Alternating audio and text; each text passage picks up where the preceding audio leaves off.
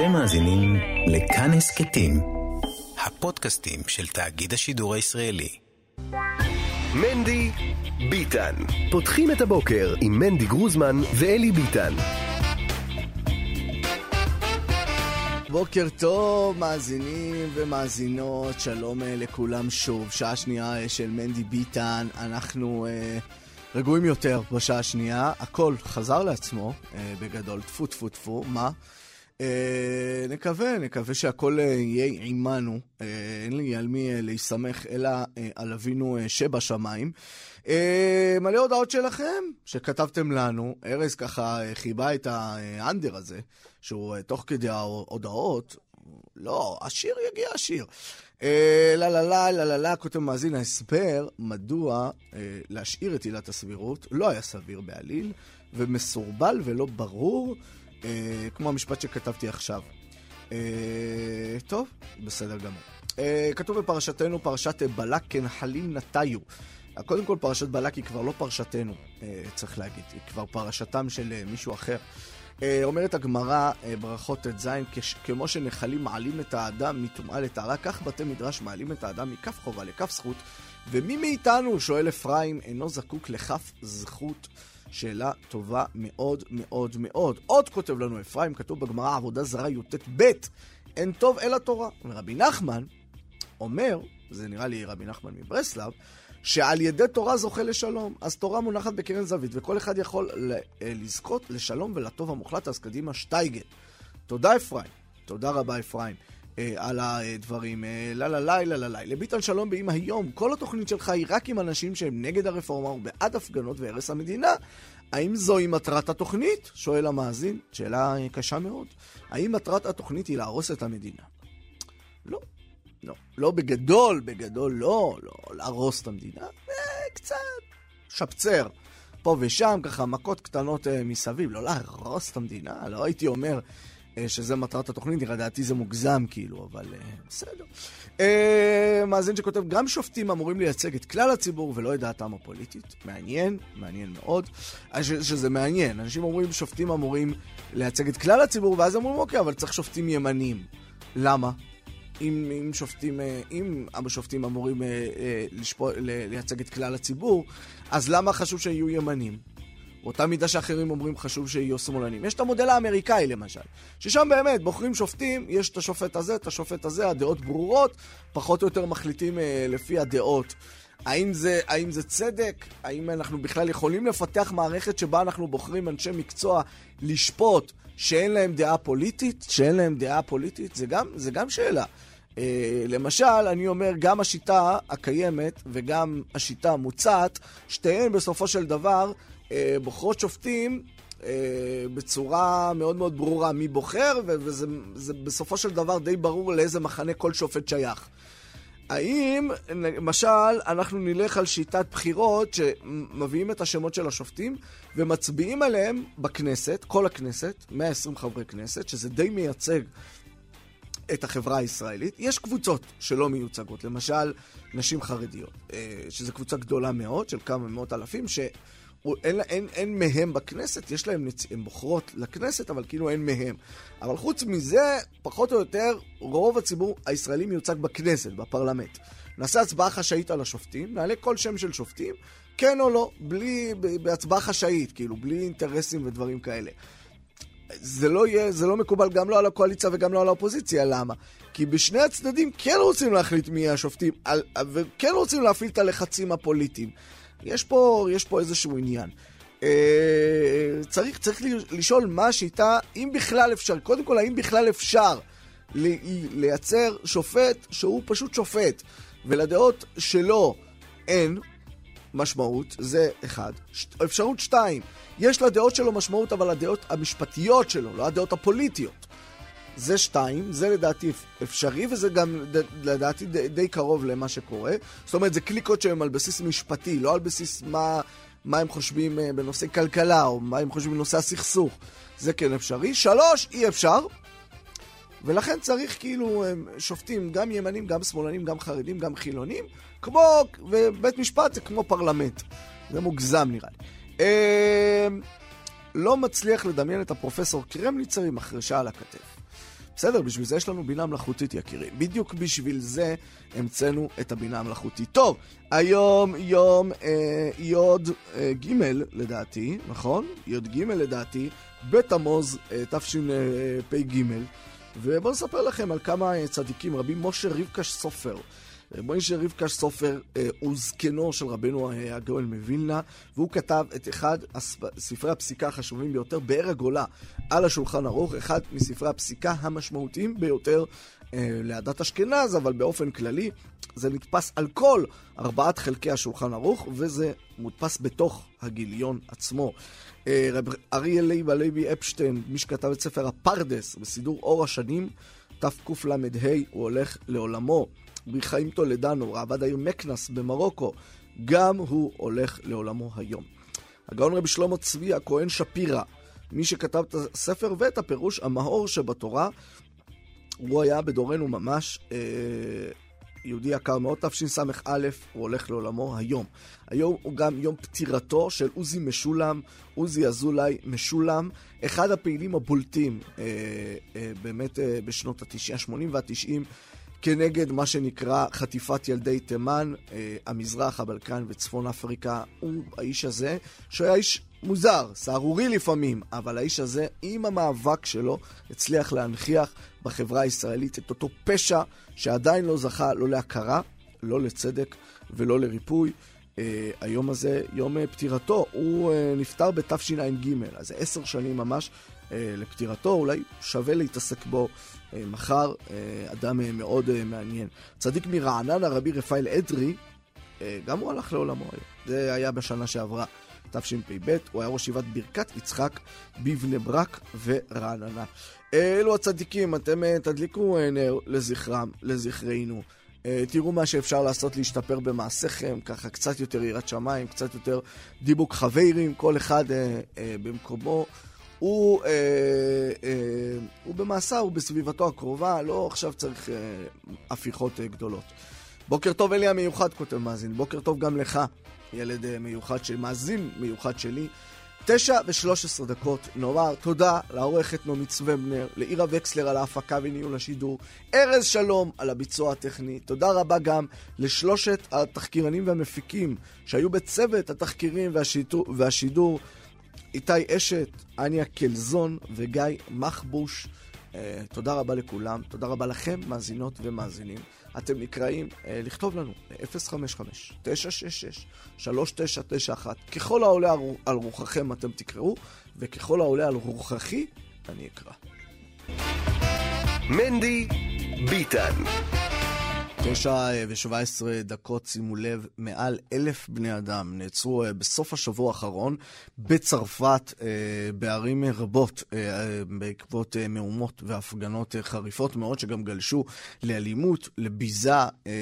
זה קורה בערים פריז, מרסיי, ליון, טולוז, שטרסבורג וליל. המון שוטרים ברמה של קרוב ל-50 אלף שוטרים שפרוסים בכל רחבי צרפת. אמנם לפני כמה חודשים היו סערה, אה, פריז בעיקר, סערת צרפת אה, בהפגנות, אז היה אה, באמת על הורדת גיל הפנסיה. היה, עכשיו ההפגנות הן מסוג אחר לגמרי.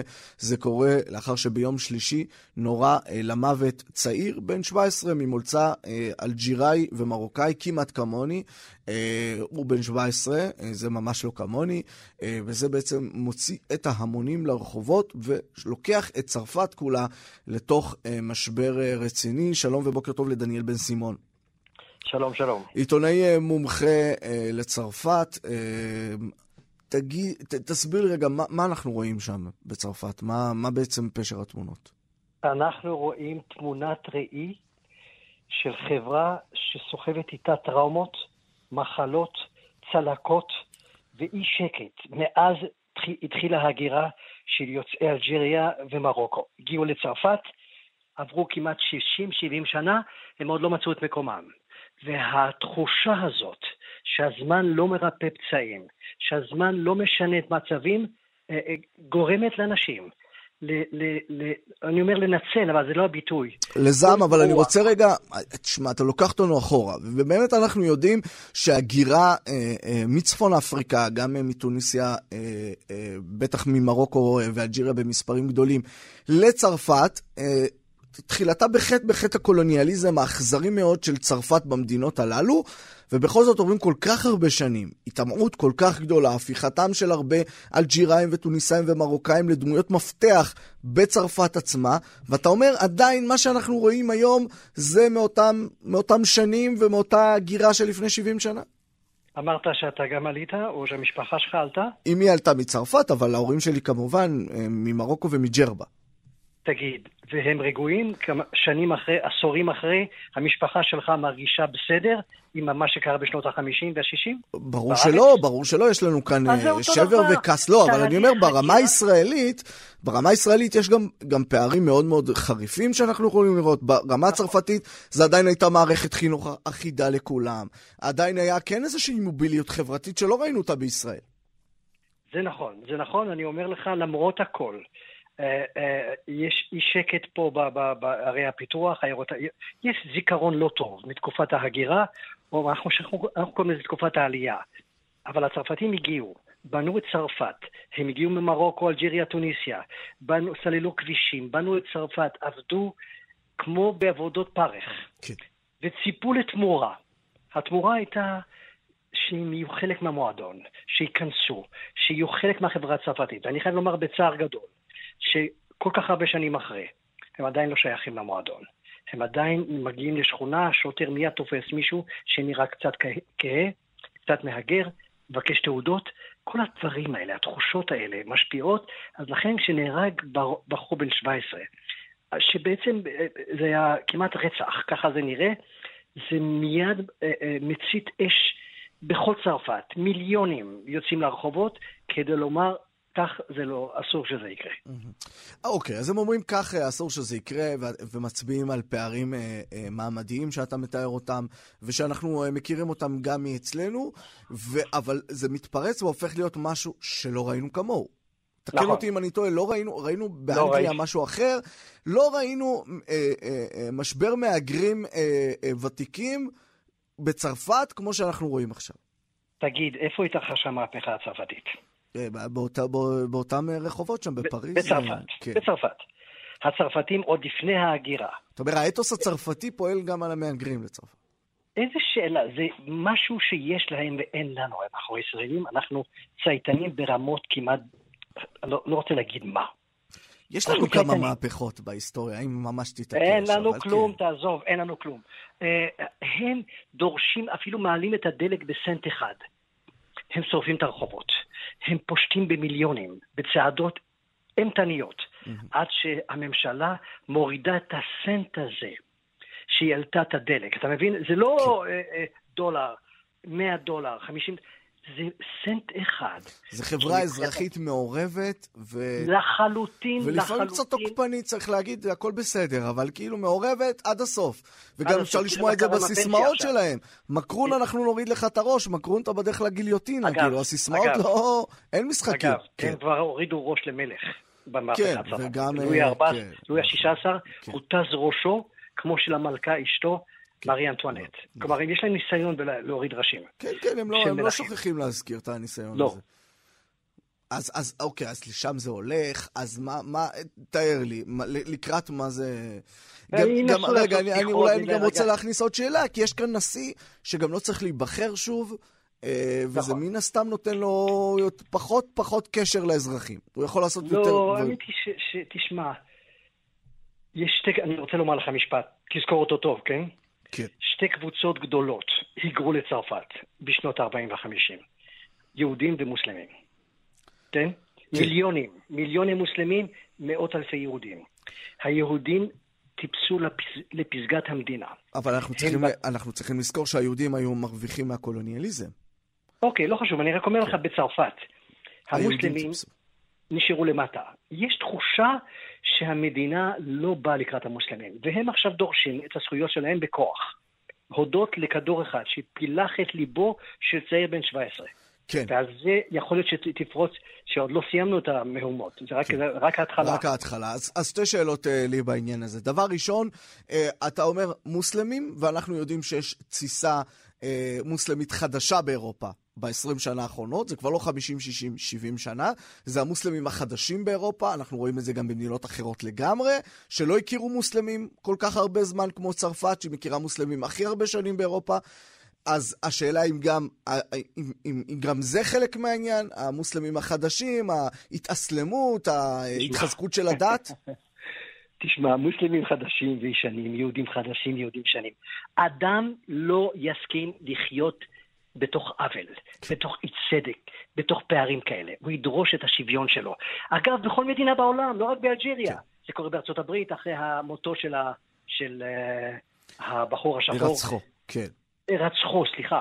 וכמובן עיכבו לו כן. את הצוואר, וזה יצר מהומות, שרפו בניינים, מאות בניינים בארצות. זאת אומרת, בשום מקום תהיה שחור, צהוב או, או מוסלמי או, או יהודי. מעניין. אתה לא תקבל את הדבר הזה. ולכן העוול... סופו שיתסיס את האנשים ויגרום למרד ולהפגנות ולתחושות ש, שבעצם מביאות את החברה לתקן את המצב. אנחנו נמצאים בדיוק בתקופה הזו שמקרון בעוד שבוע-שבועיים יידרש להופיע בפני ה... ה הראשי המוסלמים ולומר להם, אני נותן לכם כך וכך וכך וכך וכך. וגם צרפת נותן גם ככה הרבה הרבה מאוד, אבל היא תוסיף לתת, אחרת ההמונים לא יירגעו. אתה, אתה הזכרת את המהומות, אתה הזכרת את המהומות, ההפגנות אה, סביב אה, אה, מותו של אה, פלויד בארצות הברית, וזה באמת קרה אה, באמת במהלך אה, כהונתו של טראמפ, והשפיע מאוד אה, על מערכת הבחירות, כך זה נתפס לפחות בארצות הברית, השפיע מאוד על מערכת הבחירות שבה ביידן נבחר. אני רוצה רגע לראות את זה בתוך אה, ההקשר הצרפתי. המועמדת אה, שנראית מובילה אחרי אה, אה, אה, מקרון זה לפן, שחלק מהאג'נדה שלה, למרות שהוא לא מרכזי אה, בשנים האחרונות, זה אג'נדה כנגד מהגרים, ואולי במשתמע גם כנגד מוסלמים אה, במובן הרחב. זה משרת אותה, זה לא משרת אותה? איך אתה רואה את הדברים? תראה, האי שקט פוגע בצרפתים, הם פוחדים. שהמהומות יגיעו לבתים שלהם, יגיעו לרחובות שלהם, יגיעו לערים שלהם. לפן אומרת להם, אם תבחרו בי, אני אנקה את הרחובות. את, ה, את המופרעים ואת הפורעים אני מחזירה לאלג'יריה ולמרוקו. אני מאיימת עליהם, אני נוקטת ביד קשה. הם צריכים לבחור, או ללכת ביד הרכה של מקרון, או ביד הקשה של לפן. יכול להיות שמה שקורה היום יביא להקצנה, לבחירתה של האישה שהיא בעצם נחשבת בכל העולם, גם בצרפת, שמייצגת את הגזענות הבוטה. כן. אה, ולכן קשה לי לומר לך, אבל זה עשוי לשרת אותה. דניאל בן סימון, עיתונאי, אה, וכפי ששמנו לב, מומחה, גם לבני אנוש, אבל אה, גם למצב הצרפתי. תודה על השיחה הזו. תודה רבה לך, שלום, שלום. בוקר טוב. מנדי ביטן. 9.27, עכשיו שימו לב לסערה החדשה בענייני קואליציה. מאה אנשי תרבות, סופרים, אמנים, חתמו על אה, מכתב אה, לפיו הם לא יסכימו, על הצהרה, על גילוי דעת, לפיו אה, הם לא יסכימו אה, לשבת בוועדות שיפוט של פרסים שמחלק משרד התרבות. זה קורה בגלל ששר התרבות, מיקי זוהר, מינה, כך לפי דעתם, אנשים שהם נחשבים אנשי ימין או אולי עסקני ימין. אה, לוועדות, אה, לוועדת הפרס, ואז הם אומרים, אוקיי, הם הופכים את זה לפוליטי, אנחנו לא אה, נשתתף אה, בעניין הזה. תכף אה, נקריא את תגובת אה, משרד התרבות למכתב הזה, אבל יש לי את הכבוד להגיד שלום אה, למשורר יוסף עוזר. שלום, שלום, בוקר טוב. כבוד גדול לשוחח איתכם, אה, איש חינוך נאמר, משורר אה, עברי, אה, זוכה פרס על שם מנחם מנדל דוליצקי באוניברסיטה העברית. פעמיים זכית בפרס ראש הממשלה לשירה, בפרס גולדברג, פרסים נוספים, אתה קיבלת את הפרסים, מה שנקרא. נכון. זכית בפרסים. אז בואו נזכור מה, מה, מה שר לנו מנחם דוליסקי, כמה מילים עליו. מנחם דוליסקי היה משורר... אתה אומר נזכור כאילו ידענו. לא ידענו, בוא נשמע. כן, והמשורר והסופר הזה הוא צרוב בישראלים הראשונים. אני לא יודע אם אה, אה, שומעי לקחה של אה, נועה קירל הנפלאה מכירים אותו, הצעירים. אבל הוא שר ציון תמתי, ציון חמדתי, אני אפילו יכול להעז לנגן את זה. כן, כן. ציון תמתי, ציון חמדתי, לך נפשי מרחוק הומיה. מקסים. מתי קסם של דבר. קראנו למקום שלנו ציון? למקום שלנו קראנו ציון כשהייתה לכידות. היום אפילו מקאברי לדבר על לכידות. כן, זה, זה מוגזם, זה understatement לדבר על אה, אחידות, אבל אני, אני דווקא כן רוצה לשאול רגע על המקום של המשורר, של מי שכותב שירה, של מי שעסוק בספרות, שבעבר אה, היה לנו מאוד מאוד טבעי שזה מקום פוליטי גם. ששירה ואומנות היא חלק מהפוליטי, והרבה מאוד שנים שזה נראה שהתרחק. אני קורא את אה, כתיבתו של כבודו הרבה מאוד שנים, ולא שמעתי משהו פוליטי או פוליטי אקטואלי כזה, והנה משהו משתנה, פתאום אמנים נדרשים לעניין הפוליטי. אני מוליך אותך לשיר אה, קולה ומכנסיים, מזמן, מזמן, מזמן, שנכתב על רקע שהייתה אינתיפאדה, והיה ברדיו, הייתה ברדיו הודעה שנתרמו איברים על ידי יהודי לערבים וחייל יהודי לערבים. ועלה זה שיר שכתבת בעברית ובערבית. עלה בדעתי, סליחה, שכך כך מבחינה דימויית כמובן, מבחינה צינית כמובן, מבחינה אירונית כמובן, שכך אולי נעשה כפתרון את חילופי האזרחים על ידי תרומה הדדית של איברים אחד לשני. ישמור ויציל. אבל אנחנו עכשיו מדברים קצת פחות עם ציניות. כן, ויותר אה, על מה שקורה. אתה שומע כן. על הרכב הוועדה החדש אה, בס- במשרד התרבות, מה אתה חושב? אני חושב שזה על כל רקע מה שקורה. כל מה שקורה הוא אה, מאבק אה, של אה, איתנים בין, אה, בין זהויות שרוצות, אה, שהמטרה שלנו כאן היא להטמיע משהו שהותחל בצורה כל כך תמימה עם ציון תמתי, ציון חמדתי. תשמע שהוא. כן. אה, את, שלשום... כי אני, אני רק אגיד שאנחנו כבר כמה וכמה דקות לתוך הרעיון, ואנחנו עדיין לא יודעים מה דעתו של כבודו בעניין ועדת הנאמנים החדשה. חמור ביותר. חמור ביותר. חמור ביותר. כל המעורבות הזאת היא שוברת את כל המערכות הקודמות של ליברליות, דמוקרטיות, אה, כוונות אה, טובות של, של לתת מקום ל- לאומנות וליצירה ולדבר שלא לא מתפתח, אלא אם כן ישנו חופש מוחלט לאומן וליוצר.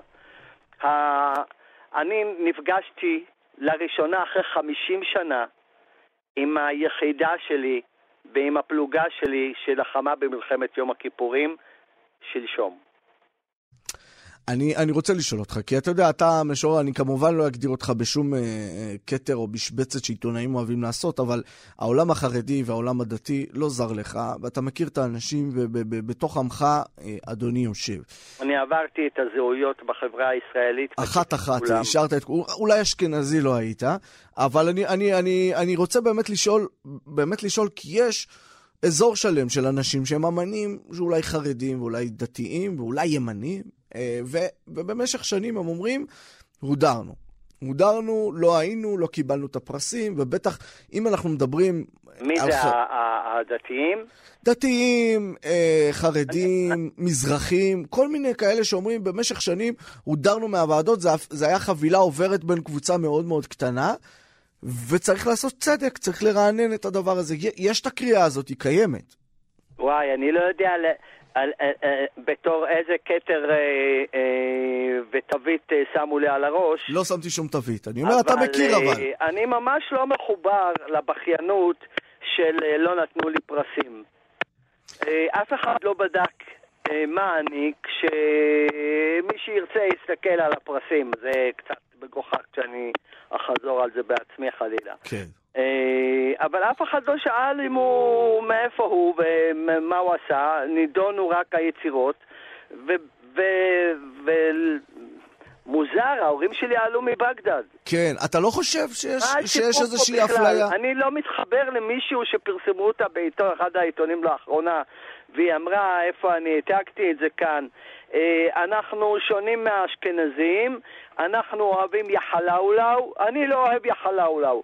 אנחנו אוהבים אה, אה, סלטים, אני לא אוהב לא, סלטים. לא, לא, חלילה, חלילה. זה כן. לא הולך למקום הזה שהוא גזעני אה, בצורה הפוכה. אבל זה מה שהיא אמרה. לא, מי שאמרה, אמרה. אני שואל ה- משהו אחר. אני שואל שאנחנו, אנחנו המזרחים כן באים, מה שנקרא, נקיים, אבל כן סבלנו מאפליה, אבל זה לא רק המזרחים, גם חרדים וגם אה, דתיים. היה איזושהי אמירה שאנחנו מחלקים את העוגה.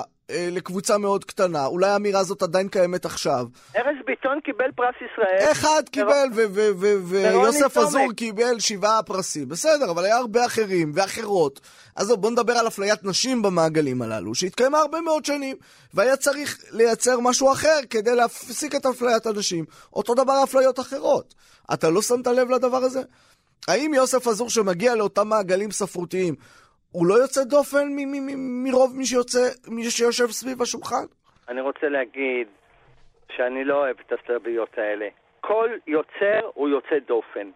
אין יוצא, אם הוא לא היה יוצא דופן, הוא לא היה יוצר. והוא, והוא נשפט על ידי, באיכות של הדברים שהוא יוצר. ולא דבר אחר. ולכן הבכיינות היא מגוחכת.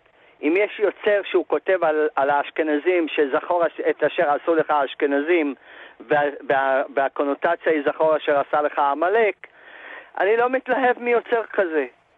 זה לא, הבוטות, הבוטות והנגחנות והבין מרכאות המילה המודרנית ערסיות, לא היא נותנת תוקף לאיכות. מה שנותן תוקף זה אמות המידה הממש... ועדיין לא- בשאלת חלוקת רק המשאבים. משפט מוזר קצת. אמות מידה לחלוטין לא דמוקרטיות, כי אומנות איננה דמוקרטית. דמוקרטית. אומנות איננה דמוקרטית, אבל משאבים, לא. חלוקת משאבים חייבת להיות הוגנת. זה נכון. ועל מה היא שופטת? והיא לא הייתה אז? הוגנת. היא שופט על, על, על פי אמות מידה. השאלה אבל מי שנוצרו שופט לפני אותו? כן השאלה מי. שופט אותו? מי נמצא כשהוא שופט אותו? אם אין, אין אה, אה, חלוקת משאבים הוגנת במי שממונה להיות השופט והמחליט, אז גם התוצאות יהיו לא הוגנות. אין הגינות. אין הגינות. ביצירה, אין, כשנתן זך שינה את השירה העברית, הוא לא שאל את אף אחד, והוא נשפט לא אם הוא אשכנזי או מזרחי, הוא נשפט באיכות של הדבר החדש והבלתי מוגדר בהתחלה, והוא הותקף בהתחלה. ואין משמעות לשאלה מי השופט? ומי בעל האמצעים ומי בעל המשאבים? אוי ואבוי אם יש, אם יש משמעות, זאת אומרת שהשיפוט הוא גזעני. אולי זה מה שהיה כל כך הרבה שנים. אני חושב שהשיפוט היה על פי איכות. וגם כן, לפני שהיה פיקאסו, אז לא ידעו לשפוט קוביזם.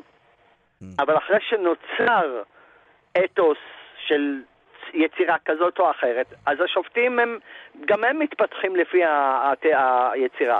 ואם היה טוב, אה, אני לא רוצה להזכיר שמות אה, כן. של מזרחים, אבל אם היו שירים בהתחלה שנוצרו, כמו, קח לך את רצון הלוי שמעטים יודעים מיהו. יוצר ענק ומיוחד. אז בס, בספר הראשון בשנת 48, יוצר תימני, הוא קיבל את פרס ספרותי, והוא תימני בשנת שנות ה-50 בערך. אני לא יודע אם יש, תימנים שיודעים מי זה רצון הלוי.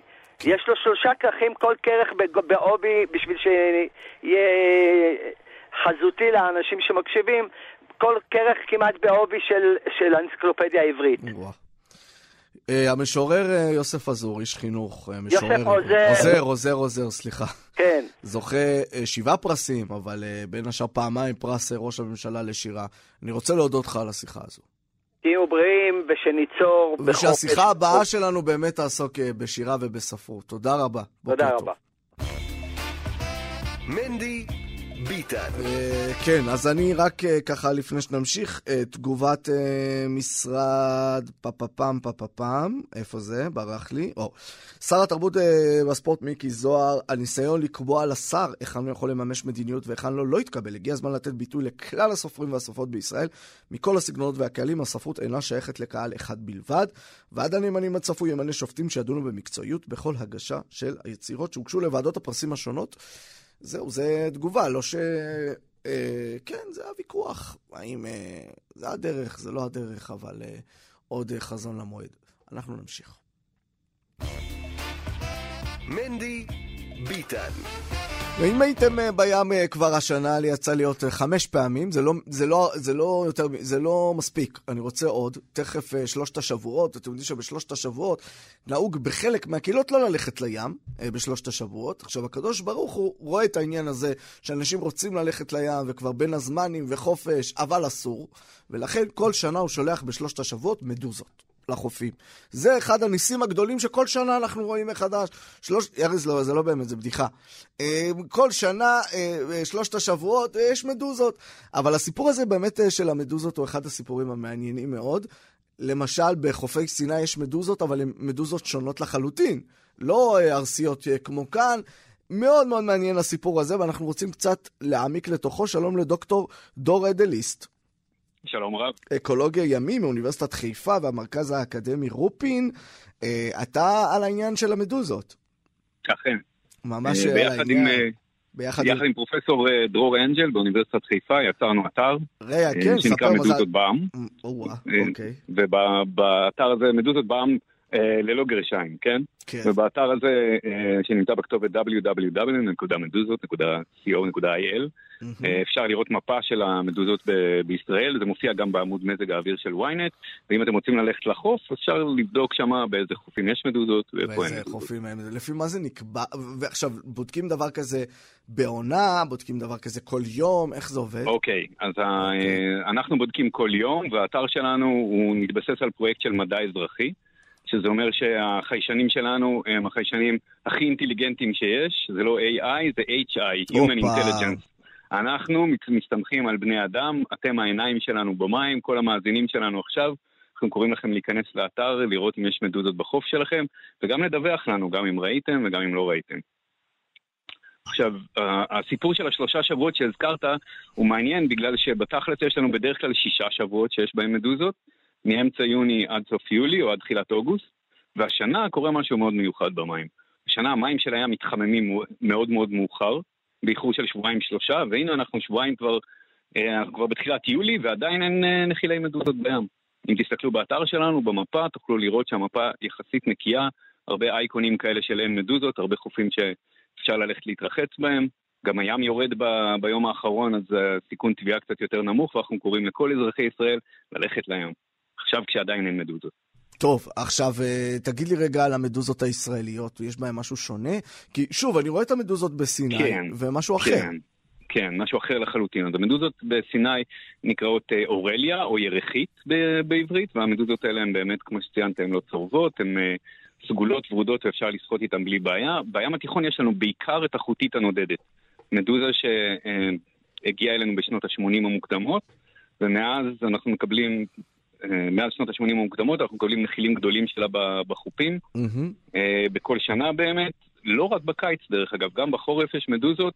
לאורך כל החורף, מדצמבר עד אפריל, עד אה, מרץ-אפריל, אנחנו רואים נחילים אה, קצת יותר דלילים מנחיל הקיץ, אבל המדוזות בהן יותר גדולות, וזה פשוט אין אנשים בחורף בים, אז הם לא יודעים שהמדוזות שם, אבל כן, יש מדוזות גם בחורף. טוב, אה, אז כן, יש, אה, אתה אומר, הן באות אה, גם לימים בנפרד. משהו בעצם על הסכנה שיש במדוזה? כן, אז מדוזות הן שייכות למחלקת הצורבים, ביחד עם אלמוגים וחיות אחרות, והצורבים כשמם הם צורבים. אז המדוזות הן צורבות בעזרת תאים צורבים שנמצאים בזרועות הציד שלהם. הן לא רודפות אחרינו, הן פשוט נסחפות בזרם, ואז אנחנו נקלעים לנתיב שלהם ונצרבים. אה, אנחנו באתר שלנו גם, אנחנו מפרטים איך לא להצרב, שזה קודם כל להיכנס אה, למפה ולראות באמת אם יש הרבה מדוזות אולי כדאי לא להיכנס. מעבר לזה, לשים חליפת גלישה, אה, שחייה, לייקרה, יש אפילו קרם הגנה נגד מדוזות, והדברים האלה יכולים למנוע מאיתנו להצטרב. אם כבר נצרבנו, הטיפול, וזה סקר אפידמיולוגי, היום אחרי הקורונה כולם יודעים מה זה סק- סקר אפידמיולוגי, כן. אז ערכנו סקר אפידמיולוגי, ואנחנו יודעים היום שחומץ ושתן לא עוזרים ויכולים אפילו אה, להחמיר את הפגיעה, וההמלצה שלנו היא לשטוף במי ים בלבד ולהתייחס כקביעה. זאת אומרת, לשים משחות נגד כוויות, לשים אלוברה, זהו. רק אחד לכמה עשרות אלפים, במקרה הנדיר של תגובה סיסטמית באמת של uh, מרגישים חום וחולשה, דפיקות לב מואצות וכאבים וכו', ובכל ה- בכל המערכת וטריבה ממש רצינית, אז מומלץ באמת להגיע ל- ל- לראות רופא או ל- לבית חולים. במרכז הר- הרעלות הארצי ברמב"ם הם uh, יודעים הכי טוב מה לעשות, אבל בכל בית חולים ידעו איך לטפל ב- במצב הזה. אף אחד לא מת אף פעם מצריבה של מדוזה בישראל, אז לא להתרגש. כן, זה יכול להיות מאוד כואב לפעמים, אבל uh, אנחנו יודעים איך לטפל בזה, ובסופו uh, של דבר, הים שלנו, אנחנו צריכים להגיד תודה שאין בו דברים שבמקומות אחרים בעולם, בתאילנד, באוסטרליה וכולי, יש מדוזות שצורבות שיכולות כן. גם להרוג. שם המדוזות אה, זה גם בעיה, בעיה קטנה, יש בעיות גדולות יותר, אבל כן, משהו פה ב, בישראל מתון, גם עם המזג האוויר, גם עם ה... כן, כן סכנות הטבע הן תמיד מתונות פה. יותר ממקומות אחרים. דוקטור דור אדליסט, אקולוג ימי, אוניברסיטת חיפה, מרכז האקדמי רופין, אפליק... אתר מיוחד Waze של מדוזות, קודם כל תיכנסו אה, בשביל להתעדכן, וגם אה, תעדכנו תוכן אה, גולשים. HI, כמו שתיארת את זה, תודה רבה. תודה לכם. מנדי ביטן. טוב, 9.45 אתם uh, כבר בירכתם ברכות התורה, אם לא זה כבר באמת מחדל, אני כבר לא, זה כבר לא בסמכותי, אוקיי? על 8 בבוקר אנחנו עוד יכולים לריב, 9.45 אתם חייבים להיות אחרי זה, והיום על ראש שמחתנו עניין מעליות השבת. עכשיו שימו לב. בעבר ריכוזים חרדים היה בניינים שלוש קומות, ארבע קומות, בגלל העניין הזה של מעלית בשבת. לאחרונה הבניינים צומחים לגובה. עכשיו צריך להגיד, באזורים של חסידים וספרדים, כבר מזמן הם צומחים לגובה, וזה בגלל שחסידים וספרדים לרוב נוטים להקל בעניין הזה. אזורים ליטאים או בשליטה ליטאית, אנחנו פחות נראה, כי רוב הפוסקים הליטאים האשכנזים לא מאפשרים מעלית בשבת. יש כל מיני אה, שינויים בצורה שבה פועלת מעלית ובצורה שבה פועלת מעלית שבת, שקצת שינו את התפיסה. אבל בשנים האחרונות מצוקת הדיור גוברת, ואפשר לראות אפילו בבני ברק בניינים של שמונה ותשע קומות. כשיש מעלית שבת עכשיו, לפעמים יש בתוך בניין בבני ברק פולמוס בין הדיירים. חלק אומרים, אני לא מוכן שיהיה מעלית שבת בבניין, גם אם אני לא משתמש בה, כי זה מכספי. מכספי אני לא מוכן, זה כמו תחבורה ציבורית בשבת, רק בתוך בניין אחד קטן בבני ברק. ו- ו- וחלק אומרים, תשמע, אני לא משתמש במעלית שבת עצמי, בעצמי, אבל, אני, אבל, אבל אם יש דיירים שכן, יש דיירים שלא, דיונים כאלה מעניינים שמתקיימים, אגב, גם באזורים חילוניים. שם יש שומר שבת אחד בבניין, והוא מבקש את המעלית שבת. בסוף, הסוגיות האורבניות הן סוגיות אורבניות. תעביר אותן מקומות ודעות, עדיין אנשים יתווכחו, אבל אנחנו רוצים ללכת רגע אחורה אחורה לתוך הפולמוס המרתק הזה של מעלית אה, שבת, אה, מותר או לא, שלום ובוקר טוב לרב אברהם מימון. מחבר הספר דרך האתרים. בוקר טוב. רבה של סן פאולו. שלום כבוד הרב. עוד לא, כן. ככה בשבילנו אתה רבה של סן פאולו. בוקר טוב. בסדר גמור. אז אה, באמת הנושא הזה, נושא מעלית שבת, זה נושא רחב מאוד, ומסתעף מאוד, אפילו נכתב ספר שלם שנקרא מעליות שבת. אני אציג בפני המאזינים את הצדדים, הסברות, הדעות העיקריות של האוסרים ושל המתירים. כן. אז אה, קודם כל, לטובת כל המאזינים... אגב, אני רק רוצה שנייה לעצור ולהגיד שפעם אחת שמעתי מהרב יצחק הראשון לציון, שהוא סיפר שאבא שלו קיבל את התשובה ההלכתית לכתוב על ה... את השאלה לכתוב על מעלית שבת. ואז הוא היה רבה של תל אביב, והם נסעו שבת לתל אביב, ושמו אותו במלון קומה תשיעית. והיה מעלית שבת, אבל הרב אמר, הרב עובדיה אמר, עוד לא כתבתי את התשובה. אז אני אה, לא אעלה במעלית שבת, ובאמת עלה ברגל כל השבת שמונה, תשע קומות. והיה, שמו לו כיסאות וזה, זה בתל אביב, בחום של תל אביב. בקיצור, מוצאי שבת בא, חזר הביתה, כתב להיתר. טוב, מעניין מאוד. לא, לא שמעתי את הסיפור הזה, אבל בואו ניכנס עכשיו כן, לפרטים, לפרטים. לעניינים של הסברות, לפרטים של המתירים ושל העושים. אז אה, קודם כל נסביר מה זה מעלית שבת, אולי אם יש מישהו מאזינים, מהמאזינים שלא יודעים, אז המעלית מתוכננת מראש, מערב שבת, שהיא תעצור בכל קומה. זאת אומרת, המעלית ממתינה זמן מסוים בכל קומה, לכניסת נוסעים, לכנה... יש כמו זמזם שהדלת צריכה להיסגר. החיישנים החשמליים שיש במעלית, האלקטרונית שיש בדלת, או ה... איך קוראים לזה,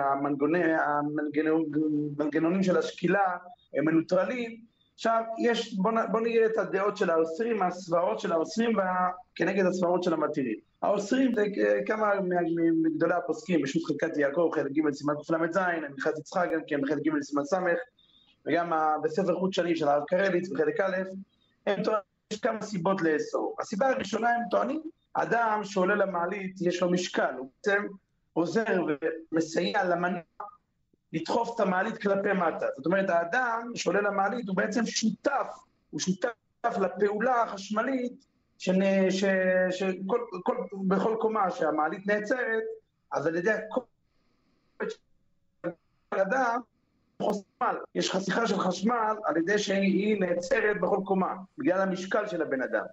לכן, דרך אגב, היו פוסקים שהם הם התירו לעלות באמצעות מעלית שבת. הרב, אה, כן. כן, זה, זה שיטה כזאת, ככה הרב אלפרין סובר, אבל על הטענה הזאת, אה, שלמה זלמן אה, אומר, אומר שלא ניתן להגדיר את האדם שהמשקל שלו בעצם עוזר, אפשר להגיד שהבן אדם עוזר ויש לו, הוא שותף עם הכוח של החשמל. למה? בגלל שביחס למשקולות של המעלית והכוח של החשמל, מדובר במשהו זניח. שהוא לא, זה כאילו משהו זניח מאוד, שלא אי אפשר להגדיר את זה כמו שהוא אני שותף לפעולה של החשמל. כן. וגם אם אנחנו נגיד שהמשקל של הבן אדם באמת עוזר למעלית לרדת, הרי זה, זה, זה, הרי בין אם בן אדם היה או בין בן אדם אם לא היה, אז אה, איך אומרים, המעלית תרד, תעלה, בכל אופן. זה לא... פה זה שאלת משהו הניצוצות מגיעה. כן, אז עכשיו, אה, אה, אז לכן, כאילו זה לא, אין פה חיס... כבוד הרב? עכשיו, כן, כבוד הרב, יש לנו ככה, שמעריך אה, בזה הרבה מאוד, רק כבוד כן. הרב, יש לנו קטיעות, אז אם הרב יכול ככה לשפר את מקומו, אה, כן. כן, יש, כן, אז אז יש, יש לנו עוד, עוד בעיה שמעריך בה בשו"ת חלקת יעקב, הרב יעקב ריש, אז הוא אומר, גם, הוא מביא גם את הפולמוס, או שהיה לפני למעלה ממאה שנה. לפני למעלה ממאה שנה דנו הפוסקים, האם מותר לעלות בשבת על רכבת חשמלית. זאת אומרת, יש רכבת חשמלית שפועלת על ידי גוי, הגוי מפעיל את הרכבת, בשביל, בשביל הגויים הגוי מפעיל את הרכבת. שם הוא, שם אני, אני, כותב שם, הוא נכנס לכל הנידון בפולמוס שהיה שם, האם מותר לעלות לרכבת חשמלית, מביא שם את הגאון רבי יוסף נתנזון, בעל השואל ומשיב, הרב של ליבור, שאומר שיש זילותא של שבת, אסור לעלות לרכבת חשמלית בשבת, כי יש זילותא זה שבת, עובדים בחול, זה איסור גמור. עכשיו, בא חלקת יעקב וטוען, אומר, מה, מה אכפת לי אם אני נוסע בקרון חשמלי לאורך או לרוחב, או אני נוסע בקרון חשמלי למעלה ולמטה. זאת אומרת, הוא מגדיר את המעלית כמו קרון חשמלי, כמו רכבת חשמלית. אז אם ברכבת חשמלית אסור לי לנסוע בגלל שיש בזה זילות של שבת, אז הוא אומר, בא חלקת יעקב אומר, גם אם אנחנו נגיד שאין פה שום השפעה מצד הבן אדם, אין פה בעיה של הניצוצות, יש פה בעיה של ניצוצות, בכל אופן יש פה זלזול של שבת, אבל גם על הטענה הזאת, אה, הרבה מהפוסקים טוענים, אומרים, שיש יש הבדל בין מעלית שבת שהיא שיקר, שהפעילות שלה היא מתמקדת רק, רואים שהפעילות של המעלית של שבת היא לא כמו פעילות של כל יום חול, היא נעצרת בכל קומה, היא, זה לא כמו הפעילות של היומיומית. אז עדיין יש פה איזשהו היכר בין הפעילות של היומיומית לבין הפעילות של הסתם. אז אין, לא, אין, פה, אין פה את הבעיה של עובדים תיכון. עובדים תיכון זה הכוונה שהפעולה היומיומית אם יש פה איזה דבר שזה היכר שיש לנו מאשר יום חול, זה משהו אחר. לכן יש בכמה, איך קוראים לזה, בשו"ת גבורות אליהו, של הרב הנקין, אחד מהרבנים החשובים בארצות הברית, שם בסימן ק"ז, הוא כותב שיש לנו הלכה, הלכה שאין שביתת כלים בשבת. מחלוקת בית שמאי בבית הלל, הלכה נפסק כמו בית הלל שאין שביתת כלים בשבת. בכל מלאכה, כתוב בשולחן ערוך בסימן רש"ב שהיא נעשית מאליה, איסור. אז אם אין בזה איסור, אז uh, הוא כותב שם שמן הסתם, איך לזה, יתקנו ביישובים הגדולים, שלא יצטרכו לברוח למקום אחר. שיתחדשו הבניינים על ידי השלטון של העיר, הפוך, ויש פה גם אלמנט של עונג שבת, שאסור להצטער בשבת, לעלות קומות ולהזיע, וזה, זה, יש פה גם כן סברה הפוך, לא רק לאסור, אלא הפוך, סיבה להתיר, שעונג שבת זה מהתורה לפי כמה פוסקים, לכן הוא שם כותב להתיר. עכשיו אני חושב שהמעלית שבת, בפרט בבני ברק, שזה עיר הפולמוסים והוויכוחים, אז זה ייצור, בוא נגיד, שאלות של הלכות שכנים, כן? בפרט, בוא נגיד, ב, ב, ב, שיש יש כשרויות, יש כל מיני גופי כשרות, אם יש גופי כשרות למאכלים, יש גם גופי כשרות לחשמל, כל מיני דברים כאלה. אז מן הסתם יהיה ויכוחים, חלק מהשכנים טוענים שהמעלית שבת והשגחה, והשגחה ובפיקוח שלומי, וחלק רוצים להחליף לרב אלמוני, כן? שאלה, מה, מי יכריע בשאלה הזאת? איזה רב טוב, איזה רב... אולי הפיקוח של, ה, של, ה, של הרב הזה הוא יותר מחמיר, הפיקוח של הרב השני פחות מקל, אז זה כבר אנחנו ניכנס לא להלכות שבת, אנחנו ניכנס כבר להלכות שכנים, כן? או שאם יש חלק מהשכנים... הלכות בחירות לרבנות הראשית, כן. ללכות מורי דה אסרא, אבל כן, פה כן, כבר יש שאלה אחרת, מה עושים עם העציצים בגינה של הבניין, לפי מה מכריעים שם, כן. כן, אז זה יהיה כבר שאלות יותר, איך קוראים לזה, יותר, שאלות יותר בהלכות שכנים, כן. מה, על מי סומכים, על מי לא סומכים, אבל אה, זה, זה כבר ניכנס כבר להלכות אחרות ולדינים אחרים. למעשה, הוויכוח העיקרי שיש, האם יש פה מצד העולה במעלית של השבת, במעלית שבת יש פה עזרה, יש פה איזה משהו שאני שותף למעשה, שאני עולה למעלית שבת, או שבעצם אני לא שותף, אני עולה ויורד, אין לי שום שותפות ב... כבוד הרב, זה ממש פולמוס על תחבורה ציבורית בשבת. כן, בתחבורה ציבורית שם העניין של זילותא דשבתא, כי יש שם... גם פה יכולים להגיד עניין של זילותא, מי שמתנגד... כן, אבל יש... כן, אבל יש... יש היכר גדול בין, בין מעלית שבת לבין שהמעלית עולה ויורדת ביום חול. יש זמזם, יש פיקוד שבת, יש איזה משהו, יש איזה היכר. בוא נגיד אם יהיה מכונית אה, שנוסעת מאליה בלי נהג, ויהיה איזה קר, אני לא יודע, אני לא, לא רוצה להעלות לאנשים רעיונות בראש, כן. אבל לא יודע, אולי, אולי, אולי כן יהיה נידון שם, אני לא יודע, אבל, אבל סתם במכונית או בכל מיני מקומות כאלה, עדיין, יש עדיין, איך אומרים, עובדים דחול מובהק, שאין כן במעלית שבת, העובדים דחול הוא פחות מובהק, ולכן שם יותר הפוסקים נטו להקל וצידדו להקל מאשר סתם, אה, סתם בנסיעה. עדיין ההבדלים וההיכרויות לא כל כך, אה, לא כל כך אה, בין אחד לשני. כן. אז לכן זה, זה, זה הסיבה שהארגון הזה שפה הקלו ושם החמירו, כן, אבל זה, זה הנושא בגדול, הנושא ההלכתי בגדול והצדדים שלו להלכה. וכמובן אנחנו לא מכריעים שום דבר, אנחנו רק אומרים את הצדדים, וכל אחד יעשה כפי רבותיו וכפי עיניו וכפי דעות, אה, דעותיו וכולי. הלו? כן, כן, כבוד הרב. טוב, החכמנו, למדנו. כן, תודה. תודה רבה, תודה רבה. הרב אה, אברהם מימון, כבוד הרב, תודה רבה רבה. אה, שיהיה לרב אה, המשך ערב, לילה, אני לא יודע איך זה אצלכם שם, מה נהוג. תודה רבה על הדברים, בוקר טוב. אנחנו מסיימים את השעתיים הללו של מנדי ביטן. נהיה מחר אמנם בשמונה בבוקר, אבל עד אז לא נהיה. במשך 22 שעות תצטרכו, לא יודע, תחליפים. תוכלו להאזין לתוכניות קודמות שוב, אה, תוכלו, לא יודע מה, להאזין לבבי דוב, להאזין למוזיקה, כל מיני אמצעים. אה, אני אתגעגע, מקווה שגם אתם.